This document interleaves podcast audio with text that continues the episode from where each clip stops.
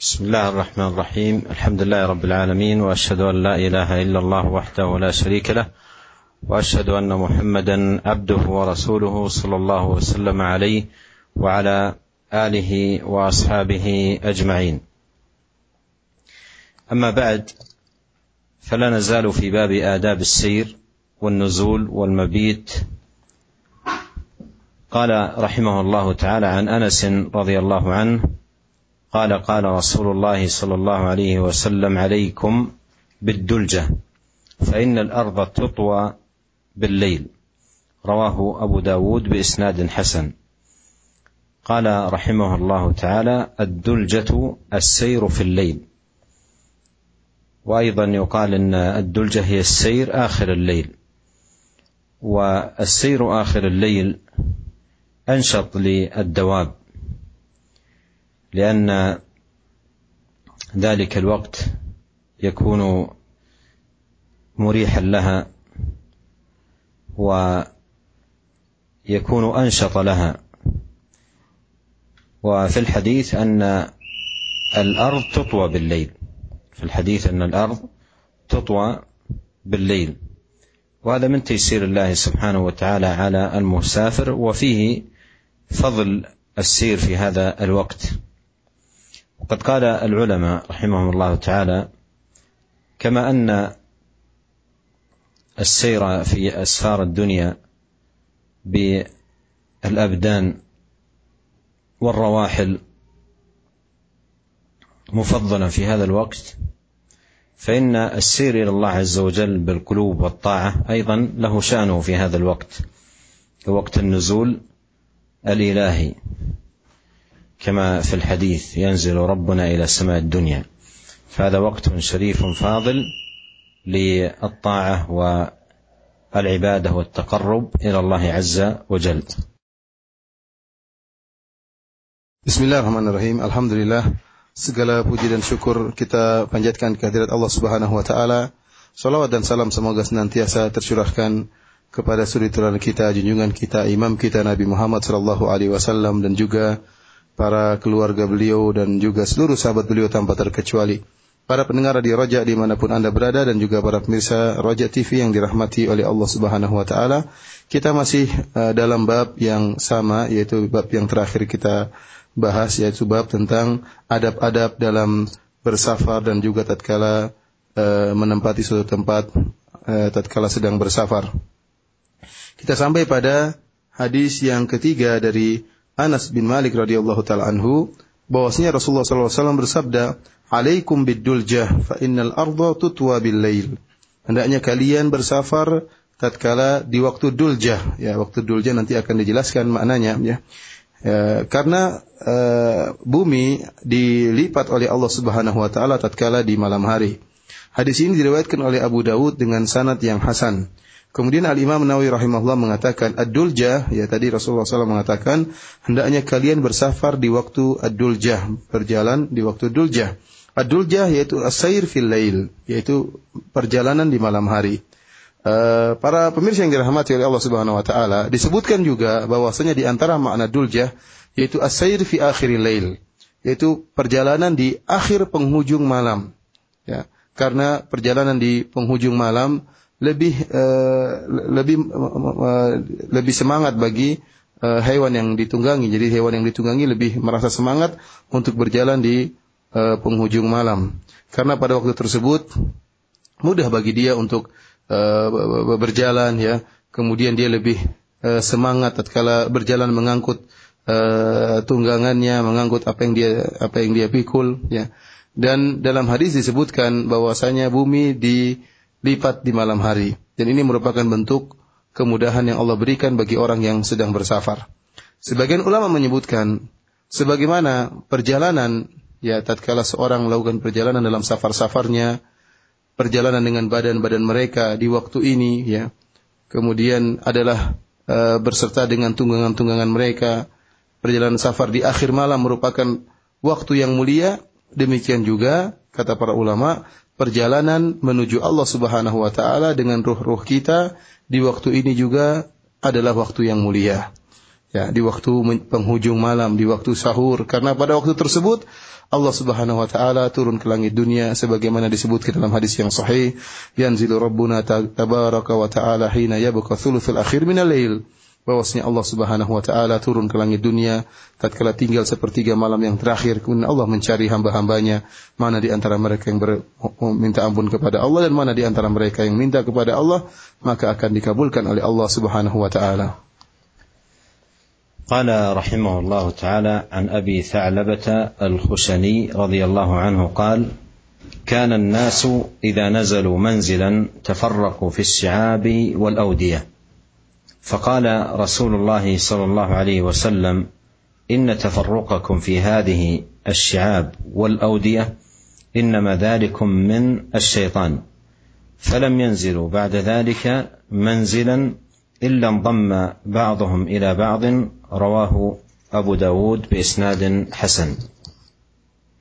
وهذا الحديث فيه أدب من آداب النزول والمبيت في أثناء السفر في موضع ما من الطريق أن من آداب ذلك إذا كانوا رفقة وباتوا يبيتون في موضع يكونون فيه متقاربين. لا أن يتفرق شخص هناك وشخص في جهة أخرى. وأخبر عليه الصلاة والسلام أن هذا التفرق من الشيطان. والله عز وجل يحب من عباده الاجتماع والتقارب. وأيضا هذا احفظ لهم واسلم اذا كانوا جميعا لو داهمهم عدو أو شيئا مؤذي أو نحو ذلك كان كل منهم قريب من من من اخاه ولا شك أن هذا أحفظ لهم وأسلم Kemudian uh, hadis berikutnya dari sahabat Abu Tha'labah Al-Khushani radhiyallahu taala anhu, beliau berkata bahwasanya Nabi sallallahu alaihi wasallam ya uh, suatu saat orang-orang uh, tatkala sedang bersafar mereka pun singgah di suatu tempat ya tafarraqu fi syi'ab wal adwiyah ya yaitu uh, wal audiyah mereka berpisah-pisah tatkala mereka uh, singgah di suatu tempat baik di jalan-jalan yang ada di gunung-gunung atau yang ada di lembah-lembah jadi mereka tidak bersatu. Maka hal ini ditegur oleh Nabi sallallahu alaihi wasallam. Faqala Rasulullah sallallahu alaihi wasallam, Rasulullah SAW bersabda, "Inna tafarruqakum fi hadhihi syi'ab wal audiyah innama dzalikum minasyaitan." Sungguhnya berpencarnya kalian di jalan-jalan yang ada di gunung-gunung ini dan berpencarnya kalian, terpisah-pisah kalian, terpisah-pisahnya kalian di lembah-lembah ini semua dari syaitan. Kemudian kata Abu Tha'labah Al-Khushani, "Falam yanzilu ba'da dzalik manzilan illa dhamma ba'dhum ila ba'dhin." Maka setelah itu tidaklah mereka singgah tatkala mereka sedang bersafar di satu tempat mana pun kecuali mereka saling menggabung di antara mereka. Hadis ini diriwayatkan oleh Abu Dawud dengan sanad yang hasan.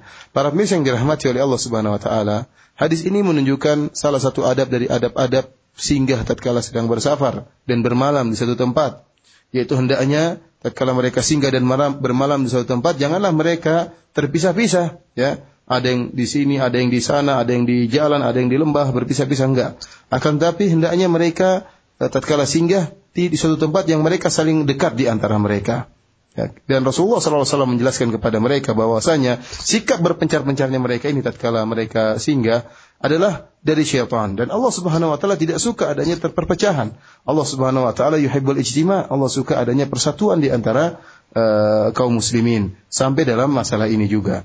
Dan sikap mereka yang tidur eh, saling berdekatan, tidak saling menjauh tatkala mereka singgah dalam safar, ini lebih menjaga diri mereka dan lebih selamat bagi mereka kalau seandainya ada sesuatu atau tiba-tiba ada uh, musuh yang menyerang, mereka saling dekat sehingga mudah untuk saling menolong di antara mereka.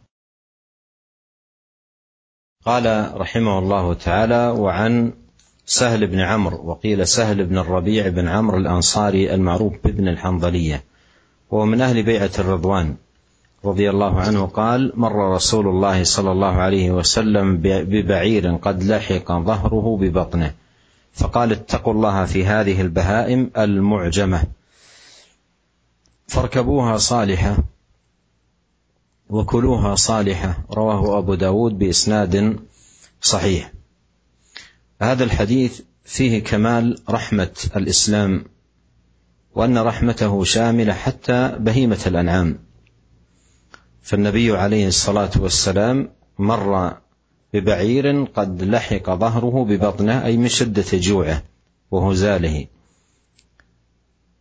وأن صاحبه لم يكن معتنيا بغذائه.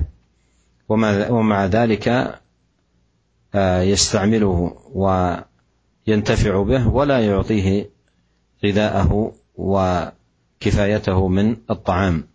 فقال اتقوا الله في هذه البهائم المعجمة.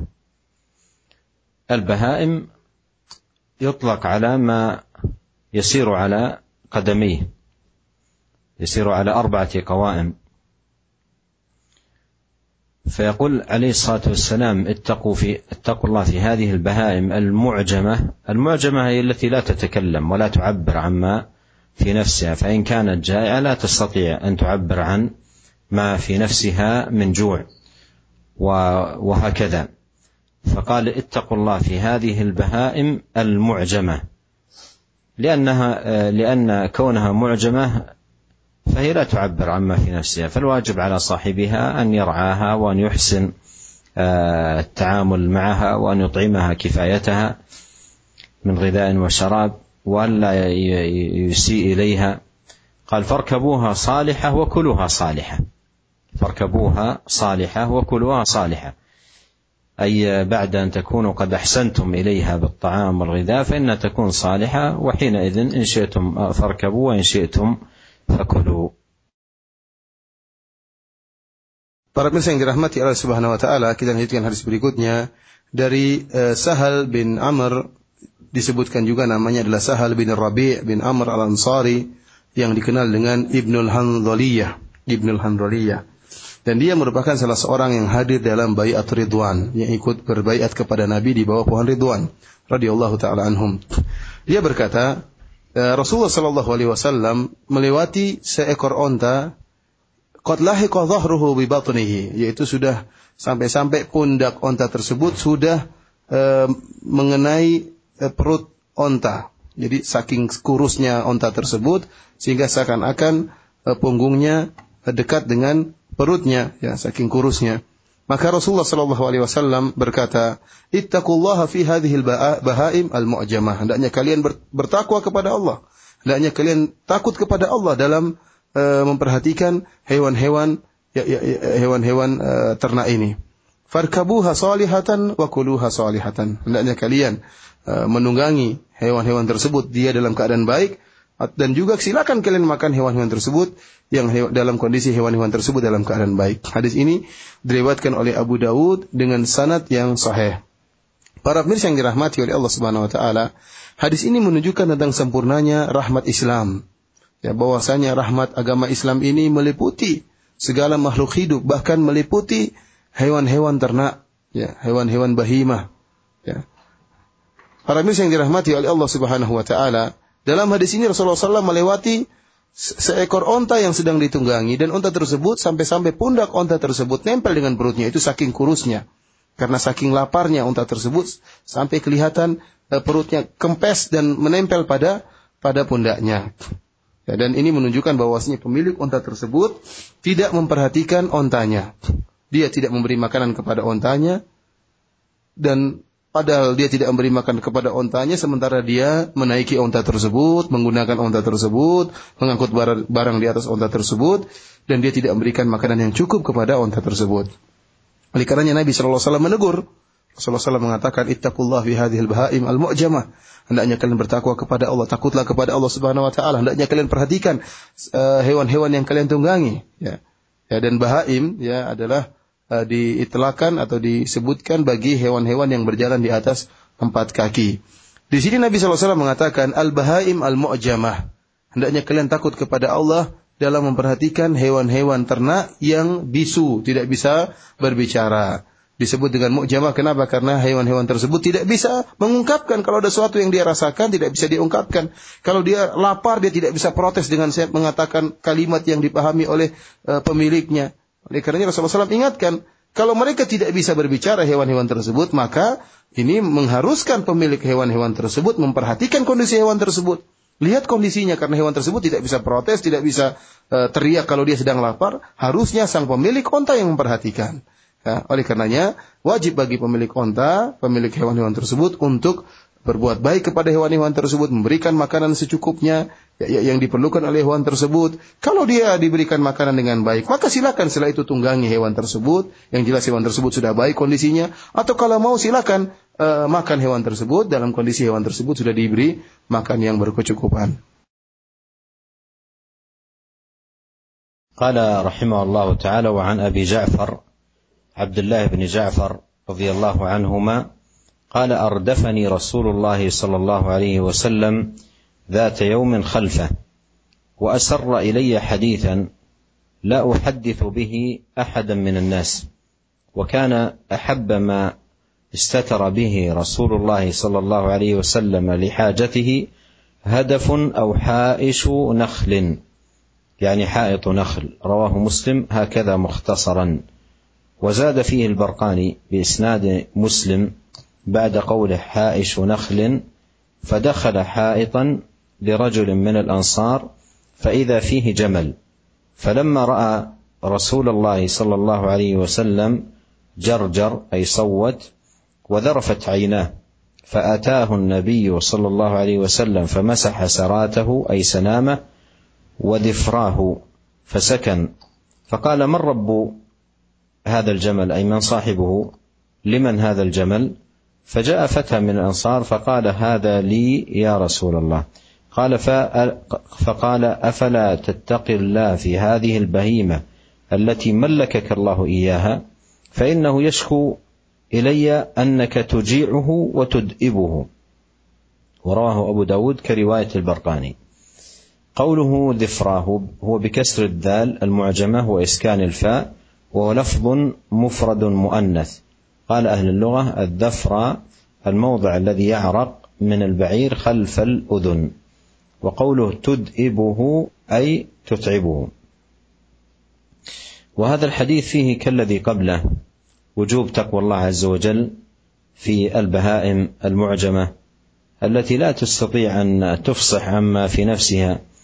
وهذه البهيمة هيأ الله سبحانه وتعالى أن تصدر هذا الصوت قال جرجر أي صوت لما رأى النبي وذرفت عيناه فيشكو من شدة صاحب هذا البعير عليه يدئبه يتعبه في العمل الكثير وفي الوقت نفسه لا يطعمه. وهذا فيه ظلم لهذه البهيمة وعدم إحسان وعدم رحمة.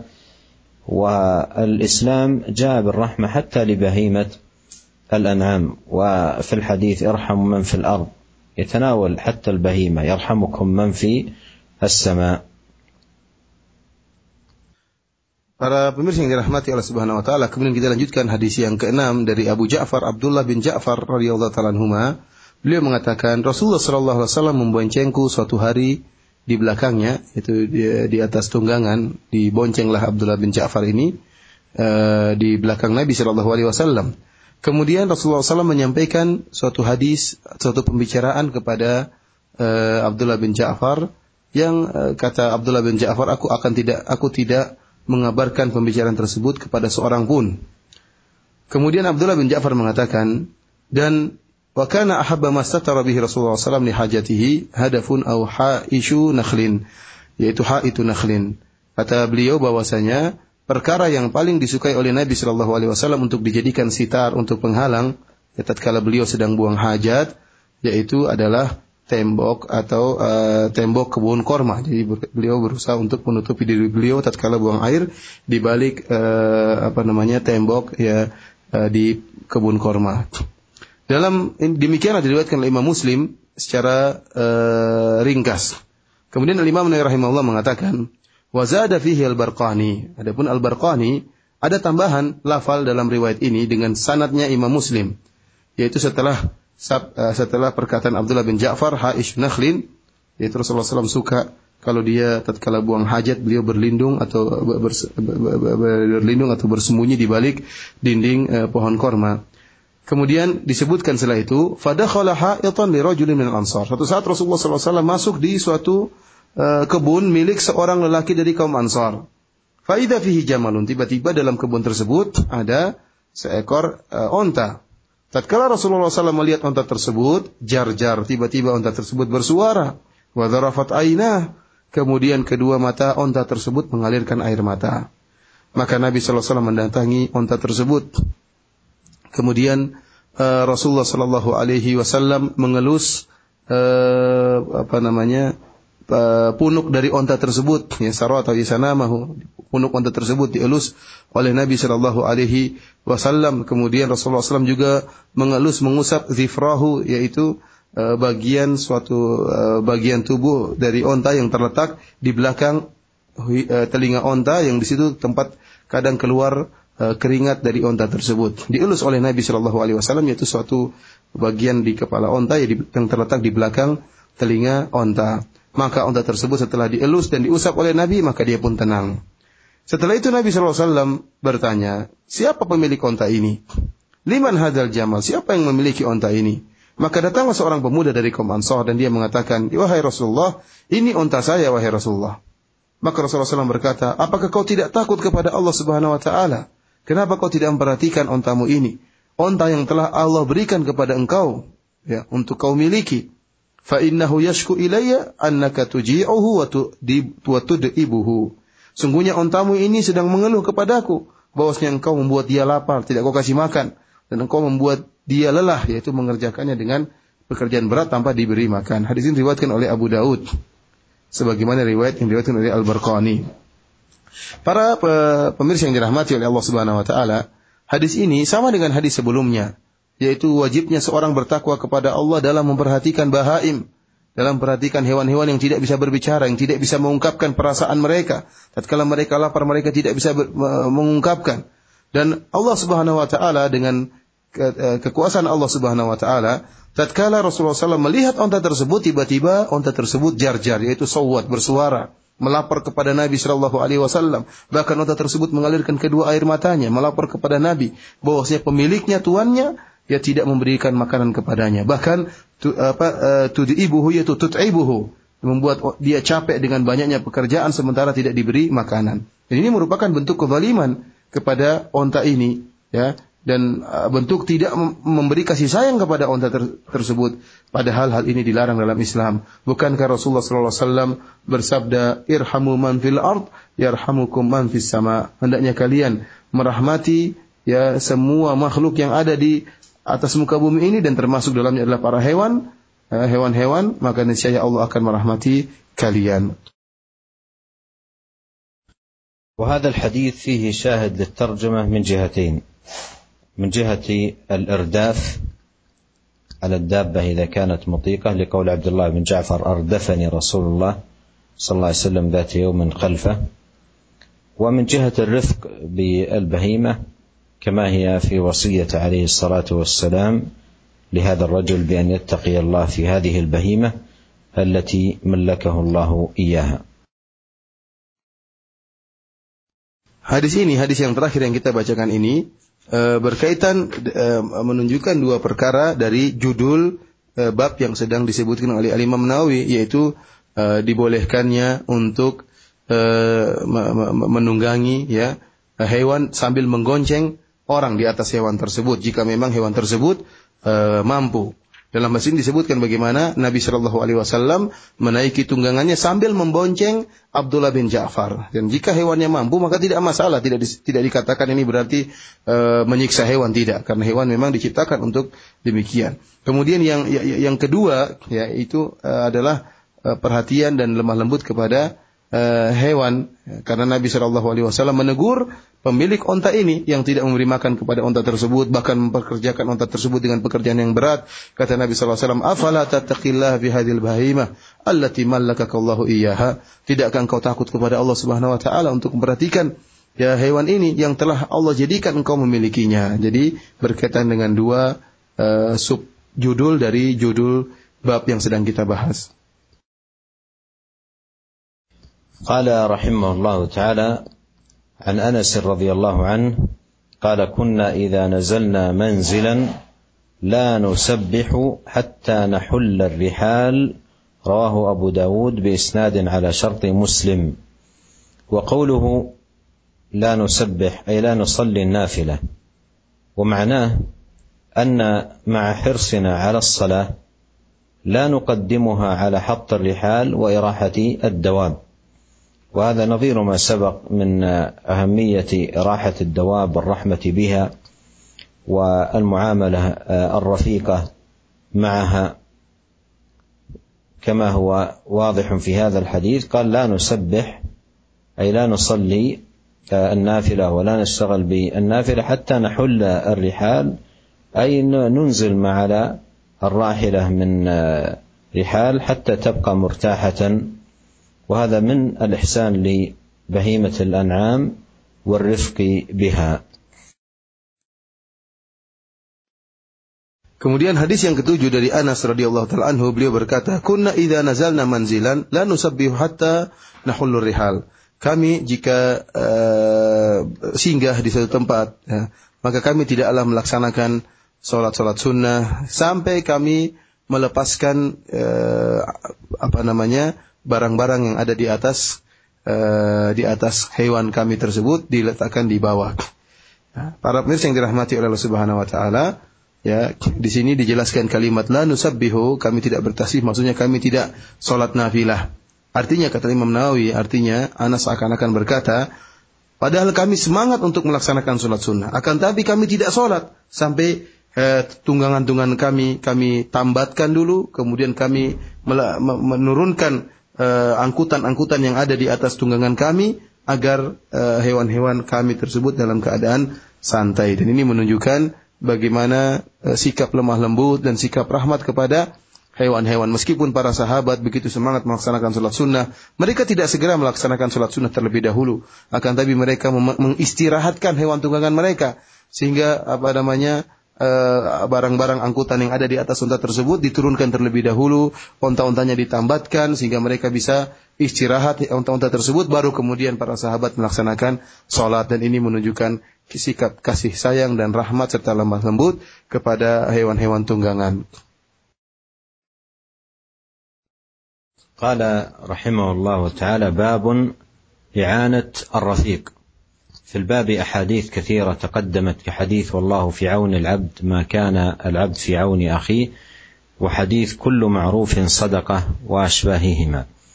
وهذه الترجمة عقدها رحمه الله تعالى لبيان أهمية إعانة الرفيق أي رفيقك في السفر بأن تعمل على معاونته وخدمته والعمل على تيسير الأمور له في قضاء مصالحه. فهذا من الآداب العظيمة التي جاء بها دين الإسلام. قال وعن أبي سعيد الخدري رضي الله عنه قال بينما نحن في سفر إذ جاء رجل على راحلة له فجعل يصرف بصره يمينا وشمالا يعني كأنه يبحث عن شيء. فقال رسول الله صلى الله عليه وسلم من كان معه فضل ظهر فليعد به على من, من لا ظهر له. ومن كان له فضل زاد فليعد به على من لا زاد له. فذكر من أصناف المال ما ذكره حتى رأينا أنه لا حق لأحد منا في فضل في فضل رواه مسلم. وهذا فيه أن من أدب الطريق ملاحظة الإخوان وحاجتهم ومن ذلك من كان عنده نقص قد يكون عنده في نقص نقص في شيء وأنت عندك زيادة فيه. وهذا معنى قوله ومن كان له فضل. والفضل هو الزائد. فإذا قد يكون عنده حاجة إلى شيء وهو بالنسبة لك شيء زائد عن حاجتك. فينبغي أن يراعي ذلك. وهذا من الآداب التي ينبغي أن يراعيها المسلم مع إخوانه.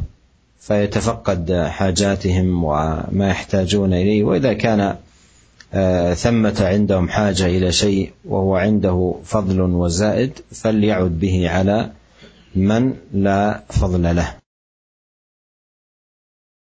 Kemudian kita masuk pada bab berikutnya, bab i'anatur i'anatur rafiq yaitu bab tentang menolong eh, sahabat atau teman perjalanan.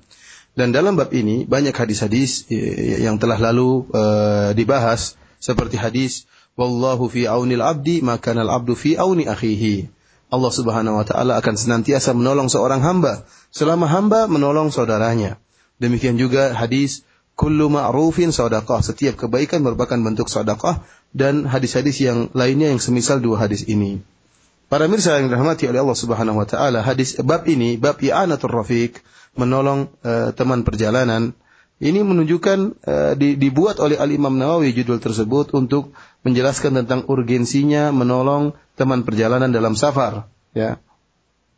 Dan berusaha untuk meringankan uh, bebannya, meringankan kebutuhannya ya, dan berusaha untuk um, bekerja yang mendatangkan kemaslahatan teman-teman tersebut. Dan ini merupakan adab yang sangat agung yang di, di, dijelaskan oleh syariat Islam dan dimotivasi oleh syariat Islam. Para mirsa yang dirahmati oleh Allah Subhanahu wa taala, uh, hadis yang pertama yang dibawa, dibawakan oleh Al Imam Nawawi rahimahullah dalam bab ini adalah hadis dari Abu Sa'id Al-Khudri radhiyallahu taala anhu. Beliau berkata, Tatkala kami sedang bersafar, tiba-tiba ada seorang datang di atas tunggangannya. Jadi bawa ada orang tiba-tiba datang naik kendaraan atau tunggangannya. Faja'ala yasrifu basarahu yaminan wa shimalan. Orang ini waktu datang, dia pelirak-pelirik yaitu melihat kanan, melihat kiri, ya seakan-akan ada yang dicarinya. Datang sambil melihat ke kanan, melihat ke kiri. Maka Rasulullah SAW melihat kondisi orang tersebut. Maka Rasulullah SAW pun berkata, "Man kana ma'ahu fadlu dhahrin, falya'ud bihi ala man la dhahra lahu." Rasulullah SAW mengatakan, barang siapa yang memiliki kelebihan tunggangan, maka berikanlah kepada saudaranya yang tidak memiliki tunggangan. Wa man kana lahu fadlu zadin, falya'ud bihi ala man la zada lahu. Barang siapa yang memiliki kelebihan perbekalan, maka berilah kelebihan tersebut kepada saudaranya yang tidak memiliki perbekalan. Lalu Rasulullah SAW menyebutkan jenis-jenis harta yang lain, ya, bukan cuma tunggangan, bukan cuma perbekalan, bukan cuma makanan yang lain. Rasulullah SAW sebutkan barang siapa yang punya kelebihan berikan kepada yang tidak punya. Sampai-sampai kami lakukan itu semua, hatta ra'aina annahu la haqqa li ahadin minna fi fadlin. Sampai-sampai kami melihat bahwasanya tidak seorang pun dari kami yang merasa kelebihan. Semuanya sudah diberikan kepada yang merasa berlebihan, berikan kepada yang tidak memiliki. Hadis ini diriwayatkan oleh Imam Muslim.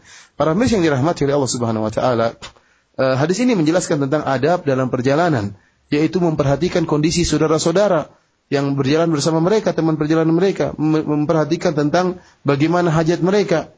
Karena bisa jadi ternyata setelah dicek saudara mereka memiliki kekurangan sementara kita memiliki kelebihan. Oleh karenanya barang siapa yang memiliki kelebihan hendaknya diberikan kepada saudaranya yang yang kekurangan. Dan ini merupakan adab yang mulia yang hendaknya diperhatikan oleh seorang muslim uh, terhadap saudara-saudaranya. Dia berusaha untuk mengecek kondisi saudara-saudaranya. Apakah saudara-saudaranya dalam keadaan butuh, maka dia pun bantu. Siapa tahu ada kelebihan, eh, baik kelebihan makanan, kelebihan sesuatu yang bisa dibagikan kepada saudaranya, maka dia lakukan. قال رحمه الله تعالى عن جابر رضي الله عنه عن رسول الله صلى الله عليه وسلم أنه أراد أن يغزو فقال يا معشر المهاجرين والأنصار إن من إخوانكم قوما ليس لهم مال ولا عشيرة فليضم أحدكم إليه الرجلين أو الثلاثة فما لأحدنا من ظهر يحمله إلا عقبة كعقبة. يعني أحدهم. قال فضممت إلي اثنين أو ثلاثة ما لعقبة ما لي إلا عقبة كعقبة أحدهم من جملي رواه أبو داود. وهذا أيضا كسابقة في مراعاة حال الإخوان ومن ذلكم الدواب التي يسافرون عليها. فإن بعضهم لا يكون معه دابة فدعاهم النبي صلى الله عليه وسلم إلى هذا التعاون والتكافل العظيم. وفي هذا أيضا سرعة استجابة الصحابة وهذا من فضلهم وما من الله به عليهم من الكرم. والإيثار. فأصبح الواحد منهم كما وصف جابر له عقبة أي نوبة في الركوب من دابته كعقبة من ضمه إليه. فضم الواحد منهم الاثنين والثلاثة وتكون له نوبة مماثلة لنوبة هؤلاء. حتى إنه أيضا لا يميز نفسه بطول نوبته مثلا بل نوبته مثل نوبة الآخرين وهذا من كمال أدبهم وخلقهم. وحسن تعاملهم رضي الله عنهم Eh, para pemirsa yang dirahmati Allah Subhanahu wa taala, hadis berikutnya hadis yang kedua dari sahabat Jabir radhiyallahu taala anhu dari Rasulullah sallallahu alaihi wasallam uh, tatkala Rasulullah SAW ingin berperang, ya, ingin berperang, maka Rasulullah SAW memberi nasihat kepada para sahabat. Kata Rasulullah SAW, Ya ma'asyaral muhajirin wal ansar, wahai kaum muhajirin, segenap kaum muhajirin dan segenap kaum ansar. Inna min ikhwanikum qauman laisa lahum malun wala ashirah. Sungguhnya di antara saudara-saudara kalian ada suatu kaum yang mereka tidak memiliki harta dan mereka tidak memiliki uh, keluarga atau uh, kerabat yang bisa membantu mereka.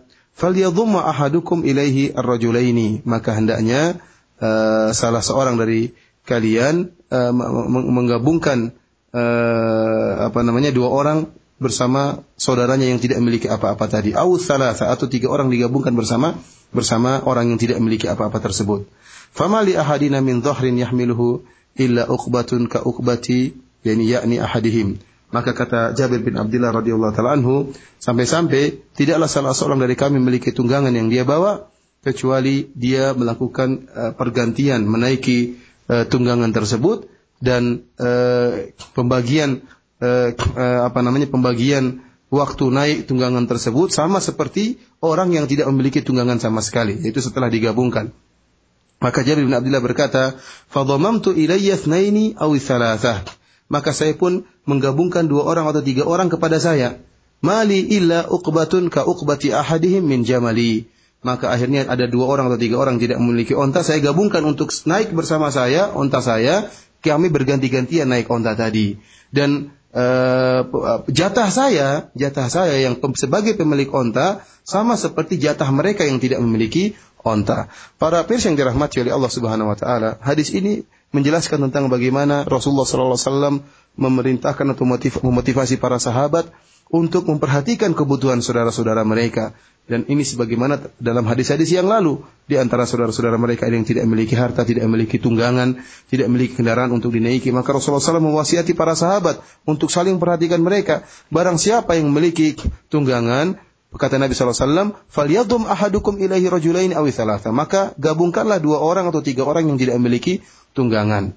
Sampai-sampai akhirnya uh, disebutkan dalam hadis ini bagaimana semangatnya para sahabat untuk istijabah mereka benar-benar langsung melaksanakan wasiat Nabi Shallallahu Alaihi Wasallam dan lihat bagaimana karamnya para sahabat, mulianya para sahabat, bagaimana ithar mereka, sikap uh, mementingkan kepentingan saudara-saudara mereka. Sampai-sampai tatkala mereka sudah menggabungkan orang lain dengan mereka, jadi tatkala mereka berjalan, yang punya uh, onta atau yang punya kuda, ya dia mengajak dua atau tiga orang yang tidak punya tunggangan agar berganti-gantian naik tunggangan. Jadi akhirnya satu onta dipakai oleh tiga orang atau satu onta dipakai oleh empat orang. Kemudian setelah empat orang tadi bersyarikat ber, untuk naik onta ini, tidak ada bedanya antara pemilik onta yang asli dengan tiga orang yang ditolong tadi. Sama-sama. Kalau naiknya bergantian setiap dua jam, maka setiap dua jam. Tidak tidak menunjukkan yang punya onta lebih lama tatkala naik naik onta atau kuda. Tidak. Tetapi pembagiannya sama rata. Ini menunjukkan bagaimana mulianya para sahabat. Sehingga tatkala mereka menggabungkan dua orang atau tiga orang bersama mereka untuk sama-sama naik onta, mereka pun tidak membedakan antara pemilik onta dengan orang yang hanya ikut serta eh, ikut nebeng naik onta mereka. قال رحمه الله وعنه أي جابر رضي الله عنه كان رسول الله صلى الله عليه وسلم يتخلف في المسير فيزجي الضعيف ويردفه ويردف ويدعو له. رواه أبو داود بإسناد حسن. ومعنى يزجي الضعيف أي يسوقه ومعنى يتخلف أي يكون خلف القوم حتى يتفقد آه، أحوالهم وشؤونهم. وهذا من كمال خلق النبي صلى الله عليه وسلم. وجميل تعامله ورحمته عليه الصلاة والسلام للصحابة وتفقده لأحوالهم وهي من الآداب التي ينبغي أن تراعى في السفر. والله تعالى أعلم وصلى الله وسلم على عبده ورسوله نبينا محمد وآله وصحبه. Kemudian hadis yang terakhir yaitu hadis ketiga dari bab ini yang juga diriwayatkan dari sahabat Jabir bin Abdullah radhiyallahu taala anhu beliau berkata, "Karena Rasulullah sallallahu alaihi wasallam yatakhallafu fil masir." Rasulullah sallam eh, tatkala berjalan dalam perjalanan beliau di belakang ya. Fayuzji ad-dha'ifa wa yurdifu wa yad'u lahu. Maka Nabi sallallahu alaihi wasallam ya memperhatikan orang yang di, di, yang lemah. Rasulullah SAW bawa orang yang lemah kemudian Rasulullah SAW menggoncengnya kemudian Rasulullah SAW mendoakan orang yang lemah ini. Hadis ini diriwayatkan oleh Abu Dawud dengan sanad yang sahih.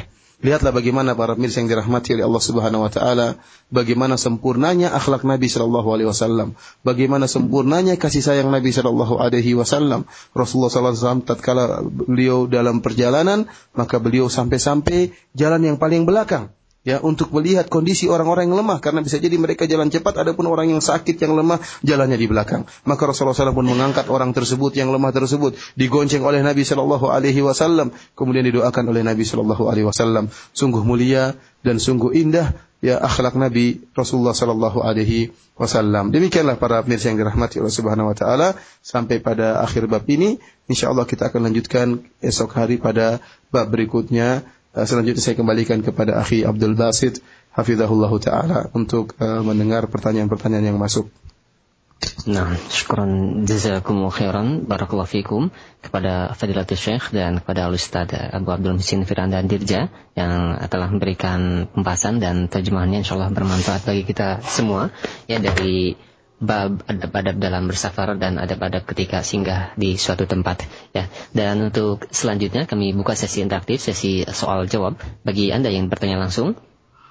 Silahkan Anda bisa menghubungi kami di layanan yang telepon di 0218236543 dan uh, kiranya kami harapkan pertanyaan yang Anda ajukan disesuaikan dengan pembahasan kita di kesempatan sore hari ini. Baik, kesempatan pertama kami berikan di layanan yang telepon. Ya, halo. Halo. Assalamualaikum. Waalaikumsalam warahmatullahi wabarakatuh. Dengan siapa di mana Pak? Dengan Adi di Pulau Gadung Jakarta. Pak Adi di Pulau Gadung, silahkan ke langsung ke inti pertanyaan dan dikeraskan suaranya Pak, diangkat. Ini uh, mau nanya di luar dari tema masalah safar.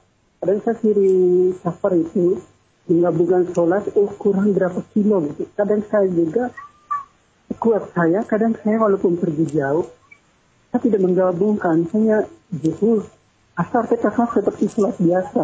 Itu kalau ukuran safar itu jaraknya berapa gitu. Nah. Kadang saya sering safar itu saya tetap sholat, tidak enggak menggabungkan itu bagaimana? Jazakallah khair. Assalamualaikum. Waalaikumsalam warahmatullahi wabarakatuh.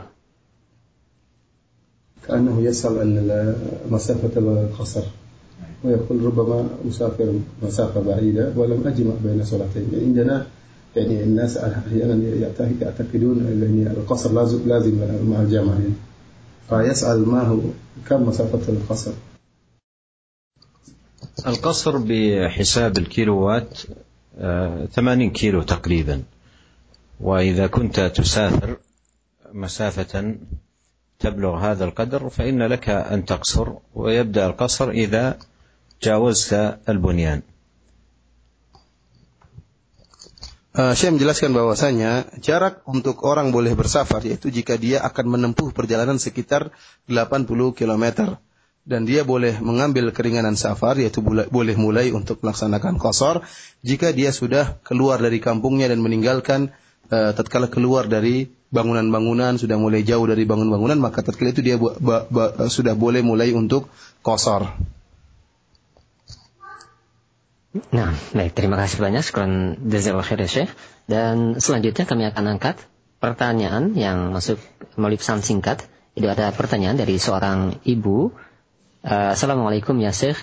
Apabila seorang wanita bersafar ditemani oleh anaknya yang belum balik, apakah uh, boleh ya Syekh? Jazakumullah khair.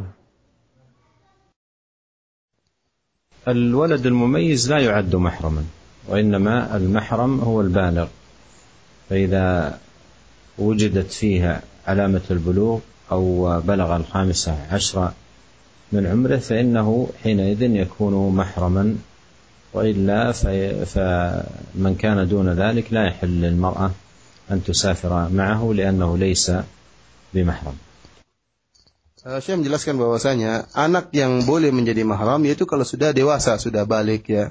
Adapun hanya sekedar anak tersebut uh, sudah bisa membedakan namun sudah bisa disuruh akan tapi belum sampai derajat balik maka bukan mahram. Ya, kapan anak itu dikatakan sudah balik atau sudah dewasa yaitu juga sudah nampak alamat-alamat tanda-tanda dia sudah dewasa atau jika dia sudah mencapai umur 15 tahun. Adapun yang di bawah ini maka tidak tidak layak untuk menjadi mahram dalam perjalanan safar. Nah, jazakallah khair ya Syekh dan selanjutnya kami akan angkat kembali di layanan lain telepon di 0218236543. Halo. Ya, Assalamualaikum Ustaz. Waalaikumsalam warahmatullahi wabarakatuh. Dengan Ibu siapa di mana? Dengan Ibu Latifah di Jakarta. Silakan Ibu Latifah, langsung ke ini pertanyaan. Iya, saat, uh, apakah sudah termasuk safar apabila uh, saya dari kampung rambutan itu ke uh, ke Ibnu Taimiyah di Bogor Cijeruk. Uh, saya dari sini uh, uh, sholat zuhur di sana, saya suka uh, menjamak dan mengkosor gitu. Pas habis itu uh, jam 2 itu baru saya pulang sampai rumah itu terkadang jam 4 atau setengah 5 sore. Saat. Jam, jam, uh, kamu rambutan ke Bogor itu sekitar 70 kilo atau berapa kilo ya? Iya, saya kurang tahu. Selama nah. saya bertanya. Nah. Uh, mau penjelasannya. Ya, baik. Kasih. Waalaikumsalam لا أستطيع الاجابه على هذا السؤال لأني لا أعرف المسافة بين هذين الموضعين فإذا كانت تبلغ ثمانين كيلو متر تقريبا فان للمسافر أن يقصر في صلاته Saya menjawab bahwasanya beliau tidak mengetahui jarak antara kampung rambutan sampai di uh, Mahat Ibnu Taimiyah di Bogor ya. Saya pun tidak tahu berapa jaraknya. Saya Abdul Syekh Abdul Basit juga tidak tahu jaraknya. Oleh karenanya saya tidak bisa menentukan jawabannya. Akan tapi kaedahnya kalau jaraknya kira-kira 80 km kurang lebih, maka boleh uh, seorang mengkosor karena dia sudah dihukumi sebagai musafir. Nah, jazakallah khair ya Syekh. Dan jawabannya ya mungkin untuk Ibu Latifah bisa dilihat ya di kilometer mobil yang mungkin sudah uh, mempunyai teknologi untuk mengukur perjalanan tersebut. Dan selanjutnya kami akan angkat kembali pertanyaan di layanan pesan singkat. Ya ada pertanyaan dari Abdullah yang berada, uh, yang berada di Bogor. Ya Ya Syekh, seberapa pentingkah mengangkat amir atau pemimpin dalam suatu perjalanan? Dan mengapa di dalam safar disebutkan akan diketahui sifat-sifat seseorang dalam safar tersebut? Ulang Abdul Basit berapa penting mengangkat apa? Seberapa pentingkah mengangkat amir atau pemimpin dalam suatu perjalanan atau safar dan mengapa dalam safar disebutkan dalam hadis akan diketahui sifat-sifat seseorang dalam safar tersebut? Ini mana ada ahamiyat ta'yin al-amir fi safar? Limada ini? Kemudian yang kedua tadi tentang apa Abdul Basit?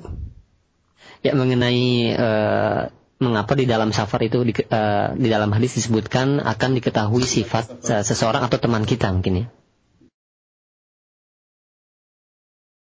أما تعيين الأمير في السفر فقد سبق البيان ما في ذلك من مصلحة عظيمة وأن هذه الإمرة تتعلق بشؤون السفر لا تتعلق بشؤون المرأة الخاصة لكن بشؤون السفر وترتيب الوضع من حيث الإقامة والارتحال و مكان الجلوس إلى غير ذلك. فإنهم إذا عينوا أميرا وكانت له الكلمة المسموعة انضبطت الأمور واندرأ أيضا الشقاق والاختلاف لأن مثل هذه الأمرة تجمعهم على الائتلاف وعدم الاختلاف. وأما كون السفر يسفر عن وجوه الرجال فهذا من المعاني التي قيلت في وجه تسمية السفر. سفرا لأنه يسفر أن يكشف ولا شك أن في السفر يتضح الصبور من من قليل الصبر يتضح الخلوق من غريء من قليل الخلق يتضح أيضا التعامل الجميل وهكذا كل هذه الأمور تنكشف وتنجلي. في السفر ولهذا يذكر عن عمر بن الخطاب رضي الله عنه لما سئل سأل عن شخص فقال هل جاورته قال هل سافرت معه؟ ما يدل على أن السفر يكشف ويجلي حال الشخص. Uh, saya menjelaskan bahwasanya adapun mengenai pentingnya uh, mengangkat uh, amir tatkala safar setelah lalu penjelasan hal ini bahwasanya banyak maslahat yang, yang besar yang bisa diperoleh dengan penentuan adanya amir. Dan uh, pemimpin amir dalam safar ini berkaitan dengan perkara-perkara yang berkaitan dengan safar. Bukan segala perkara artinya Amir ini bukan artinya dia menjadi seakan-akan raja mau mengatur segala sesuatu tidak. Tetapi dia menjadi pemimpin yang ditaati dalam hal-hal yang berkaitan dengan dengan safar. Contohnya dalam pengaturan perjalanan kemudian di mana mau singgah di hotel mana mau tidur mau berapa hari mau makan apa. Ini semua berkaitan dengan ketaatan kepada sang amir yang dengan penentuan sang amir tersebut maka akan lebih e, disiplin lebih teratur aturan-aturan ya sehingga dan juga lebih dijauhkan dari pertengkaran, dari dari, dari perselisihan dalam safar yang terkadang ada perbedaan pendapat dengan adanya amir maka ketaatan kepada amir membuat uh, suasana lebih maslahat dan lebih baik. Adapun masalah yang kedua bahwasanya safar membuka hakikat akhlak seseorang ini bukan terdapat dalam hadis tapi ini hanyalah dari sisi bahasa safar artinya yusfir karena para ulama menyebutkan uh, kenapa safar dikatakan safar? Karena safar yusfir yusfiru wujuhar rijal yaitu mengungkap hakikat dari uh, para lelaki. Ya artinya apa? Orang yang sedang bersafar dalam safar akan nampak mana orang yang benar-benar sabar dengan orang yang tidak sabar ya. Karena menghadapi berbagai macam kesulitan. Kemudian akan nampak bagaimana orang yang akhlaknya mulia eh, ta'amulnya jamil eh, akhlaknya mulia mudah untuk menolong orang lain atau orang yang hanya ingin mengurusi menyenangkan dirinya sendiri tidak memikirkan teman perjalanannya. Oleh karenanya diriwayatkan dari Umar bin Khattab radhiyallahu taala anhu tatkala ada seorang yang merekomendasi orang lain ya dia mengatakan saya kenal dia kata Umar mengatakan Umar bertanya kepada dia apakah kau pernah uh, menjadi tetangganya? Apakah kau pernah bersafar dengan dia Ya, dia mengatakan tidak. Kalau tidak berarti kau tidak mengenalnya karena dengan safar tersebut akan nampak hakikat akhlak seseorang. Nah, baik terima kasih banyak kepada Ustaz dan jazakallahu khair ya Syekh dan selanjutnya kami akan angkat satu pertanyaan terakhir di layanan pesan singkat. Ya silahkan. Hal, uh, mohon maaf di layanan yang telepon ya. Halo. Assalamualaikum. Waalaikumsalam warahmatullahi wabarakatuh. Mohon maaf Pak, dikecilkan terlebih dahulu volume radionya Pak. Iya Pak. Ya, silahkan Saya, dengan Iya? Hamba Allah dari Pamulang. Ya, silakan. Ha, yang mau saya tanya tentang safar. Saya safar ke Bandung tiga hari dari Jakarta selama di Bandung, apakah saya boleh Pak jamak kosor sholat itu apakah cuma di jamak saja Ustaz?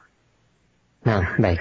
Ya, jadi selama di Bandung apakah saya boleh menjamak kosor ya. atau jamak saja? Selama tiga hari tersebut ya? Selama tiga ya, hari. Kalau baik. lebih dari tiga hari, hari keempat bagaimana hukumnya? Terima Ya. kasih. Jazakumullah khairan kasih. Assalamualaikum.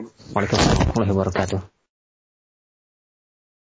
الأصل في ال- القصر الأصل في الجمع إذا جد به السير إذا جد به السير أما إذا كنت يعني تبقى في البلد آه، أقل من أربعة أيام فلك أن تقصر لكن الأولى أن يكون الجمع عند ما يجد بك السير وأسأل الله عز وجل لنا أجمعين التوفيق والسداد والعون على كل خير ونلقاكم إن شاء الله في لقاء قادم على خير بإذن الله والسلام عليكم ورحمة الله وبركاته Waalaikumsalam warahmatullahi wabarakatuh. Uh, Syekh menjelaskan bahwasanya asalnya seorang tatkala bersafar itu hanya kosor dan dia tidak menjama kecuali ji- idza jadda sair yaitu jika uh, safarnya sulit atau safarnya berat ya baru dia boleh menjama.